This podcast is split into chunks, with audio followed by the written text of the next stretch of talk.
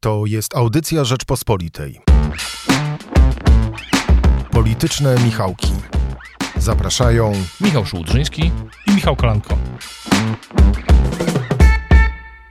W piątek 8 kwietnia witamy Państwa w politycznych Michałkach e, i będziemy dla Państwa e, ten e, pierwszy kwietniowy tydzień podsumowywać mm, cały czas polską polityką rządzi mechanizm wojenny, aczkolwiek y, sądząc po i badaniach opinii publicznej i też tym, czym zajmują się politycy, y, widać, że sprawy życia codziennego też mają coraz większy wpływ na to, jak myślimy o polityce i czego od niej oczekujemy. Mam tu na myśli przede wszystkim stopy procentowe, inflację, drożyznę e, i sposób walki z nią i propozycje e, na przeciwdziałanie e, różnym negatywnym zjawiskom. Tutaj mm, na opozycji trwa swego rodzaju wyścig, jak można ulżyć losom osób spłacającym kredyty hipoteczne, które przez wzrost mm, e, stóp procentowych e, płacą znacznie wyższe raty.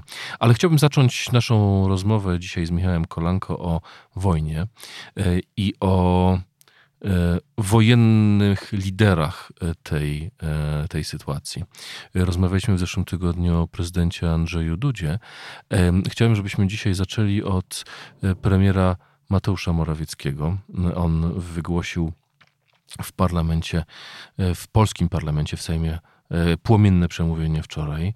E, mówił o zbrodniach wojennych i adresował swoje wystąpienie i do Węgrów, i do Francuzów, i do innych liderów europejskich, bardzo się jak gdyby stawiając w roli najostrzejszego krytyka Kremla, rozliczającego inne kraje z surowości. Mm, no właśnie, a y, równocześnie y, Parlament Europejski przyjął rezolucję wzywającą do mm, całkowitego embarga na surowce energetyczne mm, z Rosji.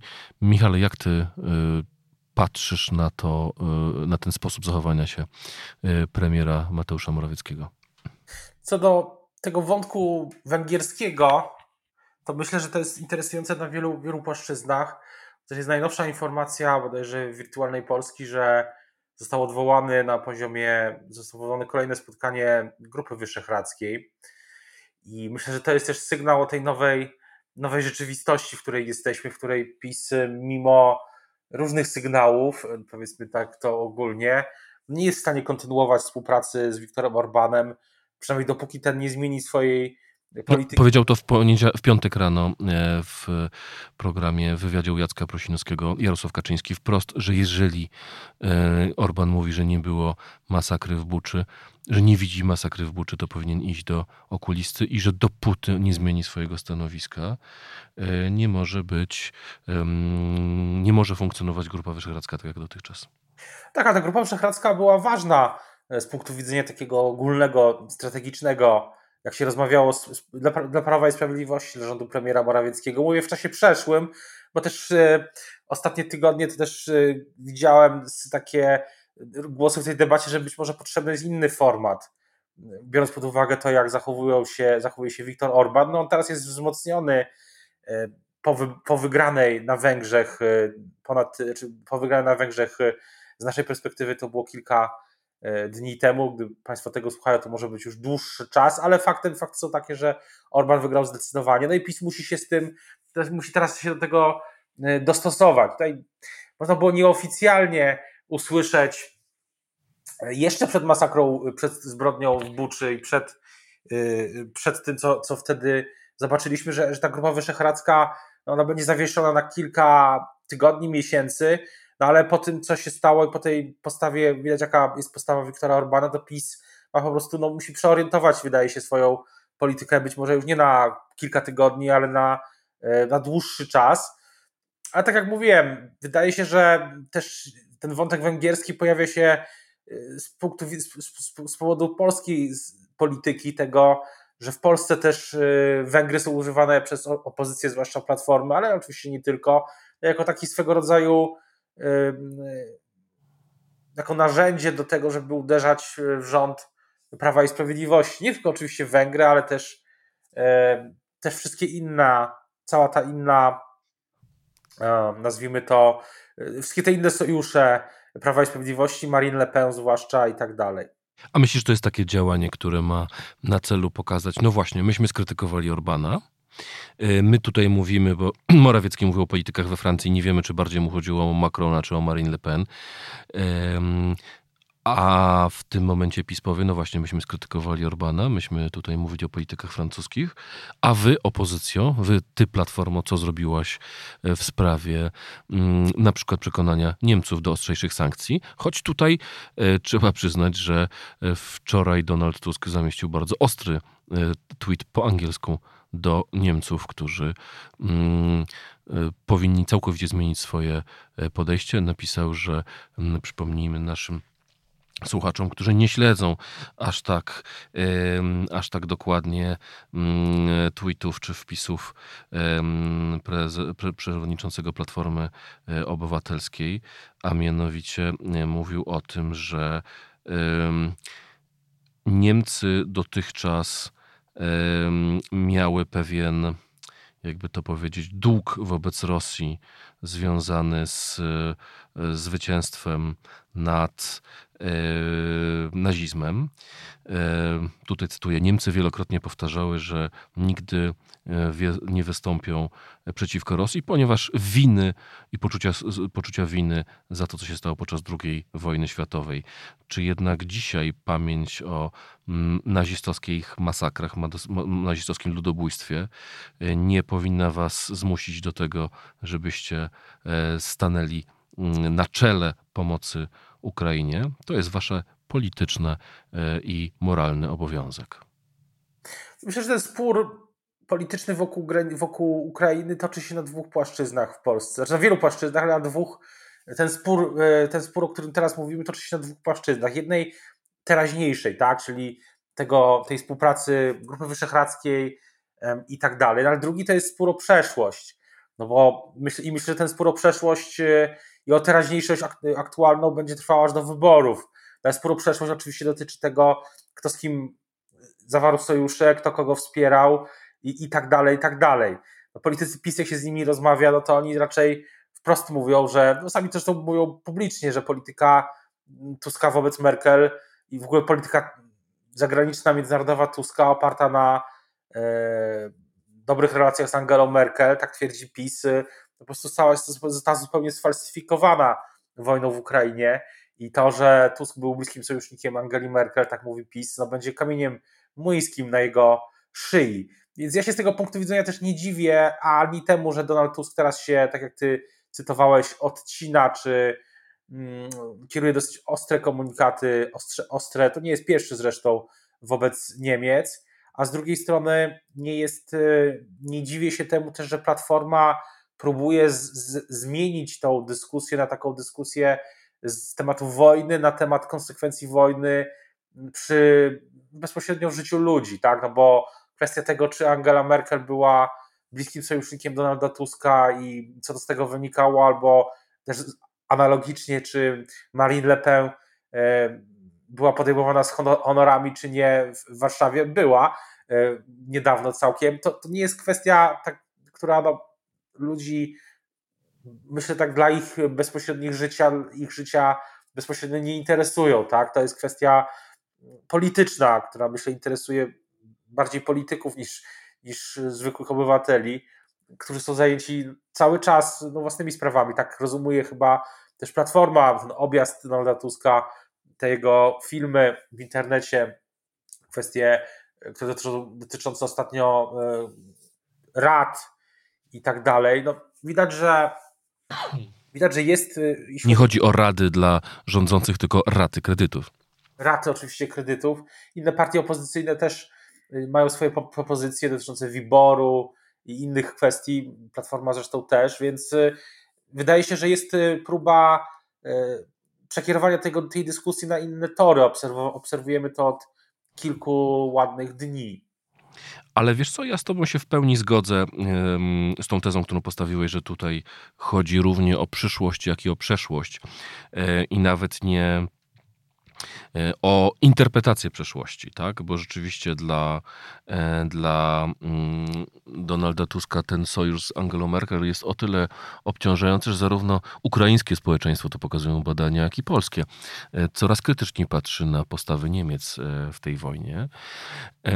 Ale ja mam wrażenie, że w tej grze o przeszłość, o to, jak to zostanie wszystko zrobione, wszyscy grają e, znaczonymi e, kartami, bo po pierwsze polityka Platformy nie była aż tak prorosyjska. Chwilami było widać pewną chęć polepszenia relacji z Rosją, mm, szczególnie jak Platforma doszła do władzy w 2007 roku, szła pod hasłem tego, że my naprawimy stosunki z Rosją, które zepsuł e, PiS, zupełnie jak gdyby e, to była zła wola PiSu, żeby te relacje się popsuły. Pamiętamy embargo na mięso polskie.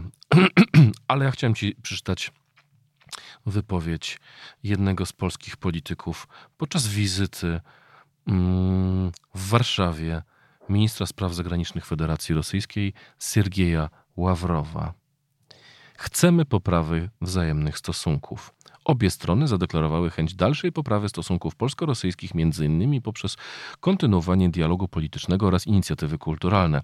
Wskazano też na możliwość w dziedzinie współpracy gospodarczej. Rozmówcy wymienili poglądy na temat aktualnej sytuacji w stosunkach grozińsko-rosyjskich, Strona polska informowała o wspólnym oświadczeniu Polski, Litwy i Ukrainy w sprawie Gruzji.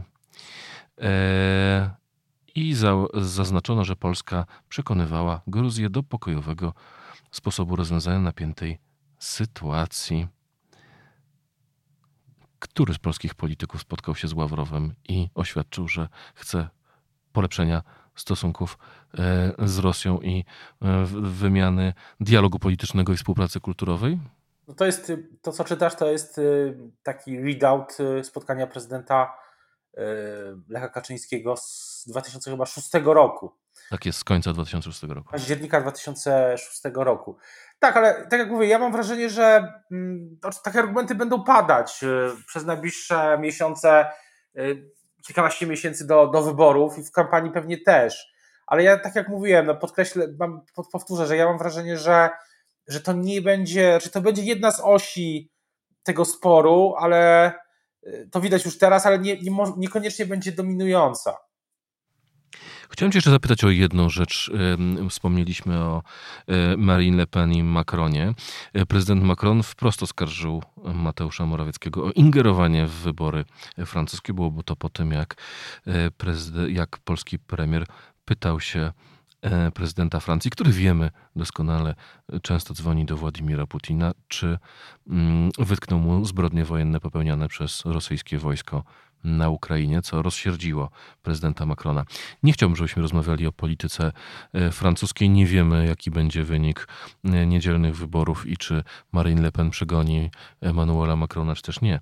Chodzi mi tylko o to, czy Twoim zdaniem to buduje Morawieckiego, czy raczej mu szkodzi, że wymienia go, e, czy piętnuje prezydent Francji i oskarża o ingerowanie w, w kampanię wyborczą nad Sekwaną? Myślę, że w, tym, w, oczach tego, w oczach elektoratu PiS to raczej na pewno, to na pewno premiera Morawieckiego buduje. Tutaj nie mam żadnych wątpliwości, że ten elektorat w większości, ten twardy, no, nie ceni prezydenta e, Francji pewnie, że chciałby, żeby przegrał najbliższe wybory. Ja nie śledzę, przyznam szczerze, uważnie tej francuskiej kampanii wyborczej. Y, nie wiem, na ile to życzenie pewnie części elektoratu PiS się może spełnić, ale y, na pewno tam sytuacja jest y, no, w ostatnich tygodniach chyba się po prostu zmieniła na niekorzyść prezydenta Francji. Ale tak jak mówiłem, tej kampanii nie śledzę i nie chcę się o niej, o niej wypowiadać. Dlatego moje pytanie dotyczyło premiera Morawieckiego. Chciałem Cię zapytać, Michał, o jedną rzecz. Właściwie to premier, e, wicepremier Jarosław Kaczyński ma w tej chwili monopol na mówienie o kwestiach Smoleńska. Już w zeszłym tygodniu wspominaliśmy mm, o tym. E, postawiłeś wówczas taką tezę, że być może to gra na dwóch fortepianach, na dwóch skrzydłach. Dla wyborcy umiarkowanego będzie porozumienie z Unią Europejską, a dla wyborcy tego bardziej radykalnego będzie przypomnienie Smoleńska. Od tego czasu Jarosław Kaczyński kolejnych wywiadów udzielił i kolejny raz mówił, że jest dla niego oczywiste, że doszło do zamachu, że doszło do wybuchu. Potwierdzają to, w cudzysłowie potwierdzają e, prawicowe e, media. Opinii publicznej nie zostały przedstawione wciąż żadne nowe ustalenia e, w tej sprawie. Chciałem Cię jeszcze zapytać po raz kolejny z perspektywy tego tygodnia, w niedzielę 12 rocznica Smoleńska. Czy to, przepraszam za sformułowanie, bo nie chcę tu urazić bliskich ani rodzin ofiar, ale czy to jest takie w cudzysłowie rytualne wracanie do tematu katastrofy przed rocznicą, a za tydzień, dwa nikt o tym nie będzie pamiętać? Czy myślisz, że to jest e, jakaś bardziej mm, finezyjna gra e, Prawa i Sprawiedliwości albo lidera Prawa i Sprawiedliwości? Pytałem o to w Prawie i Sprawiedliwości w ostatnich, ostatnich dniach i tak szczerze mówiąc to mm, żadnego dobrego wytłumaczenia nie usłyszałem. Raczej, raczej też, y, ale jedno, co usłyszałem, to jest to, żeby nie budować, y, zwłaszcza w tej sprawie, jeden z moich rozmówców zwrócił mi uwagę taką bardziej metodologiczną, żeby jednak w tej, w tej sprawie zwłaszcza nie budować nadmiernych teorii czysto politycznych, że to jest na tyle, mm, że to jest y, oddzielone od, że w oczach prezesa Kaczyńskiego to nie jest do końca, to nie jest polityka, tak wyraził się mój rozmówca, tylko sprawa innego rodzaju i przez to nie ma sensu budować właśnie takich gier, takich teorii, to są właśnie gry na wielu fortepianach albo, albo coś innego. Ja, ja mam jeszcze inną taką teorię, że o ile w kwestiach dotyczących Unii Europejskiej, energetyki, no nie wiem, spraw e, we, e, wymiaru sprawiedliwości zwłaszcza, Zbigniew Ziobro może próbować budować jakąś różnicę z PiSem i próbuje to robić od wielu, e, wielu miesięcy, a nawet lat, no to w sprawie Smoleńska nie jest w stanie tego robić. Ale to tylko, to jest taka kolejna teoria z cyklu mm, dziennikarze przy kawie. Nie, nie, nie wiem, czy, nie sądzę, że, nie, nie jestem pewny, czy prezes Kaczyński po prostu w tych kategoriach postrzega sprawę Smoleńska. To jest właśnie jedyna rzecz, taka bardziej konkretna, którą usłyszałem przez te ostatnie mm, dni.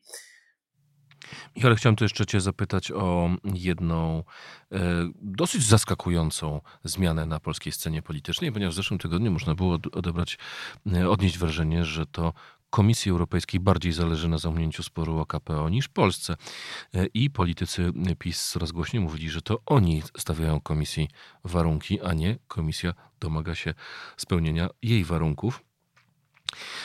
Politycy PiS, z którymi ja rozmawiałem, tłumaczyli, że po prostu polski rząd chce się zabezpieczyć e, przed e, nazwijmy to lawiną roszczeń, że dziś zlikwidujemy Izbę Dyscyplinarną, a e, za kolejne pół roku w kolejnych kamieniach milowych, w kolejnym semestrze europejskim komisja domagać się będzie na przykład zmian w Krajowej Radzie Sądownictwa, grożąc z, zatrzymaniem e, funduszy z e, Krajowego Planu Odbudowy. Doszło do takiej paradoksalnej sytuacji, że można było nawet, e, można żartobliwie odpowiedzieć, że to komisja chciała wcisnąć PiSowi KPO. Miała dojść do jakiegoś przełomu podczas jutrzejszej wizyty sobotniej Urszuli von der Leyen w Warszawie podczas eventu w łazienkach Stand for Ukraine. Dziś szefowa Komisji Europejskiej Ursula von der Leyen jedzie pociągiem co ciekawe, w ślady Jarosława Kaczyńskiego i Mateusza Morawieckiego jedzie pociągiem spotkać się w Kijowie z prezydentem Zełańskim. towarzyszy jej szef unijnej dyplomacji Josep Borrell. natomiast jak ty czytasz tę grę o e, KPO i jak ty czytasz te warunki, które teraz stawia PiS?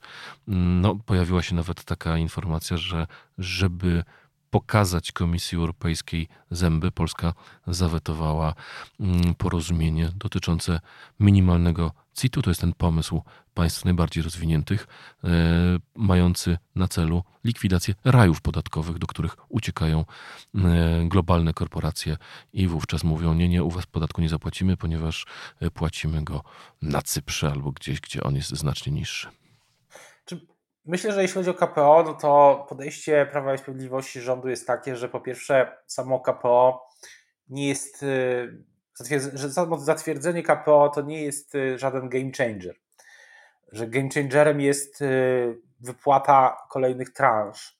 I PiS, rząd chce to po prostu w maksymalny, tak jak to rozumiem, z tego co słyszałem też, że rząd chce to w maksymalny sposób mm, sprecyzować. To znaczy nie chce dopuścić do sytuacji, w której przełożenie tych warunków, o których mówi od dawna Komisja Europejska na papier, sprawi, że te warunki będzie można interpretować w różny sposób.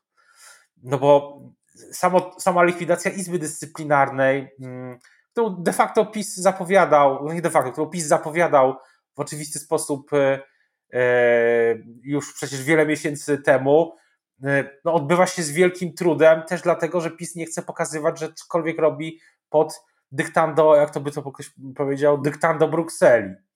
No i trudno sobie wyobrazić, że wyobraźmy sobie teraz premiera Morawieckiego, który za chwilę musi powiedzieć w PiSie, że y, czy premierowi Kaczyńskiemu, czy a zwłaszcza Zbigniewowi Ziobrze, chociaż wątpię, żeby rozmawiali bezpośrednio, że żeby odblokować kolejne transze trzeba jeszcze coś zrobić. No to jest niewykonalne. A z drugiej strony y, no dalsza blokada tych funduszy to w tym momencie będzie kłopotliwa dla PiSu, jak zwłaszcza jak będzie, będzie, będzie już kampania. Dla, dla, dla przeciętnego wyborcy za, za kilkanaście miesięcy, zwłaszcza jeśli ta sytuacja polityczna, przepraszam, gospodarcza i polityczna będzie trudniejsza, no to, no to będzie to jeszcze być może ważniejsze. To jest też w tym nurcie, o którym my rozmawialiśmy przed, na początku, że opozycja stawia na sprawy życiowe. Na, o ile, na, na ile jest w tym wiarygodna, bo tutaj zaraz politycy PiS mówią, no, że opozycja nie jest wiarygodna, zwłaszcza Platforma, jeśli chodzi o nie wiem, podwyżki dla budżetówki albo cokolwiek innego, no ale jednak stawia, tak, y, to jest y, widoczne. Natomiast co do samego KPO, więc KPO nie jest tutaj celem samym sobie dla, dla rządu, tylko takie zapisanie tych warunków, żeby, żeby utrudnić komisji y, no, dalsze blokowanie kolejnych transz, jeśli już gdy, gdy te kolejne transze będą, będą spływać. Na pewno no, takim przełomem, myślę, że w polskiej polityce byłoby to, żeby te fundusze zaczęły rzeczywiście płynąć, ale to nie wydarzy się przecież od razu po akceptacji tego, tego KPO. No, i no tym bardziej, że to będzie związane z po prostu um, nadsyłaniem przez Polskę po, co po, po pół roku rachunków za wykonane różne projekty w ramach KPO.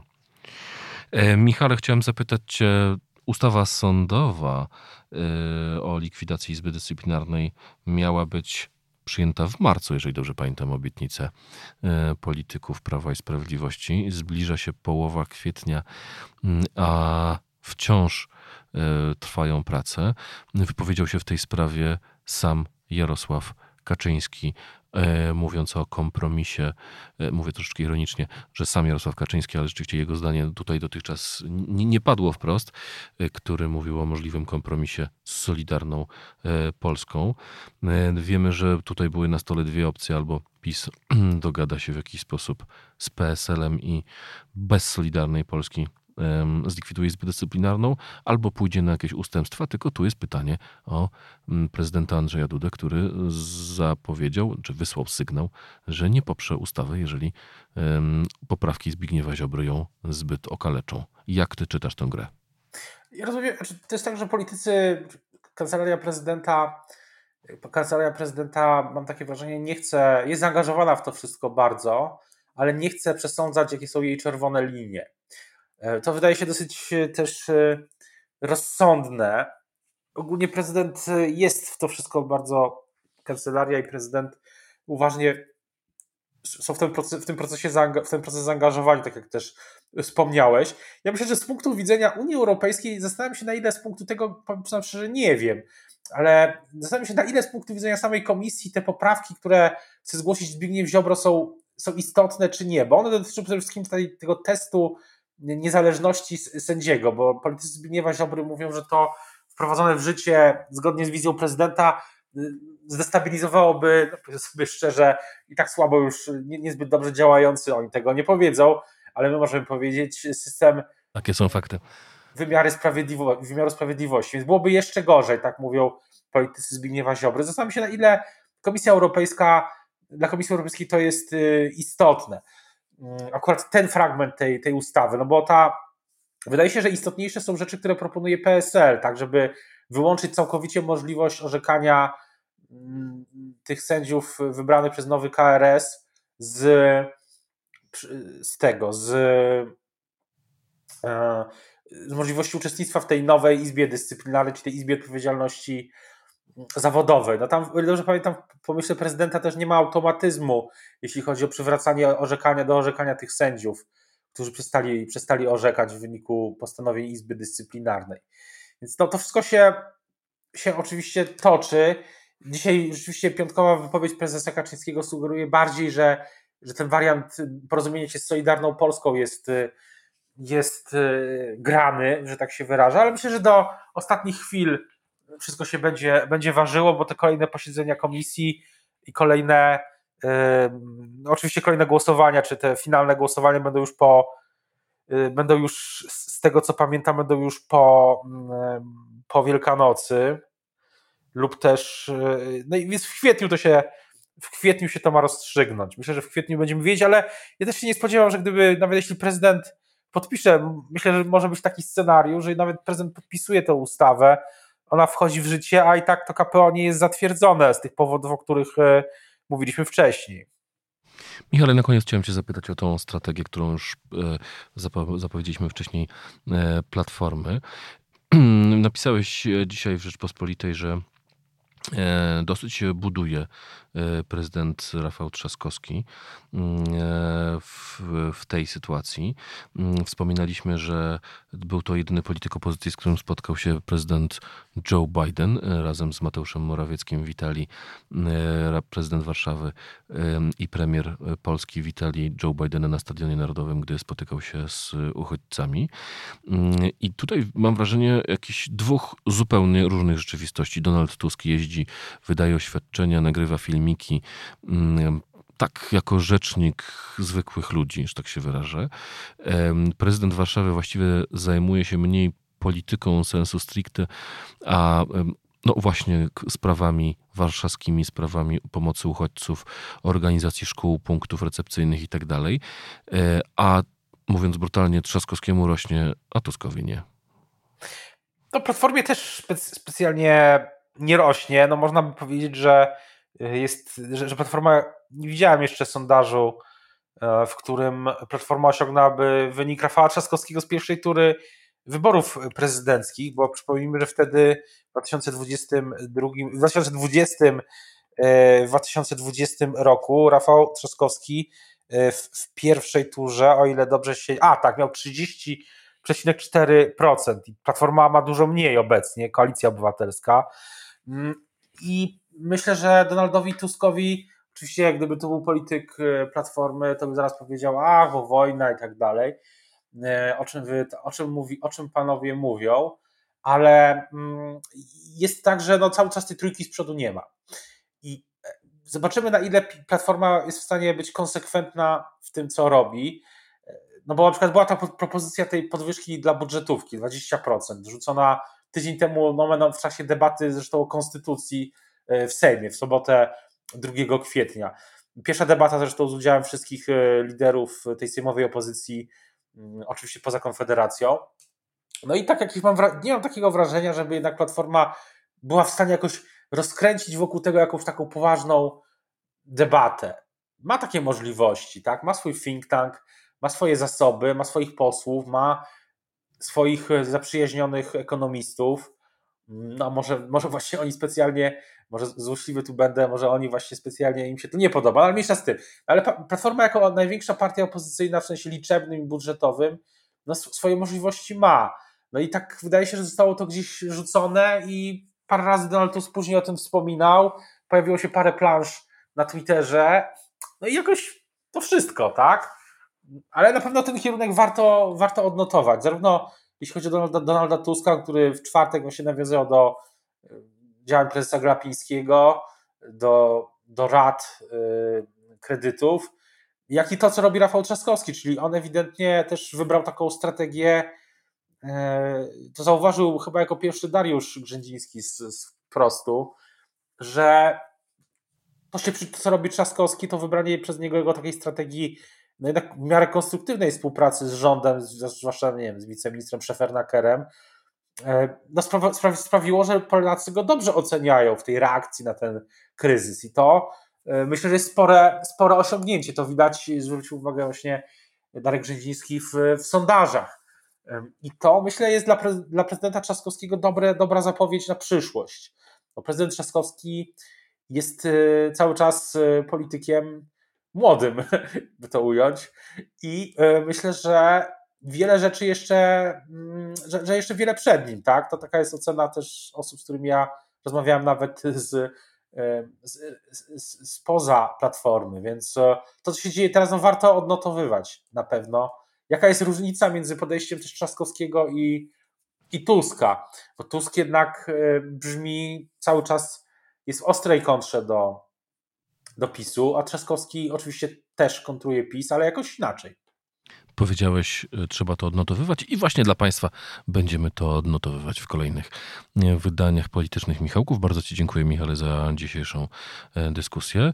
Dziękuję również. Państwu życzymy spokojnego weekendu i wspólnej zadumy nad ofiarami wydarzeń w Smoleńsku, katastrofy smoleńskiej w dniu 12 rocznicy, która przypada w niedzielę. Nie dajmy się tego dnia politykom podzielić. E, dziękujemy bardzo Magdalenie Burkiewicz, która wydawała naszą audycję i Michałowi Patyrze, który ją realizował. Do usłyszenia. Do usłyszenia. Słuchaj więcej na stronie podcasty.rp.pl. Szukaj Rzeczpospolita Audycje w serwisach streamingowych.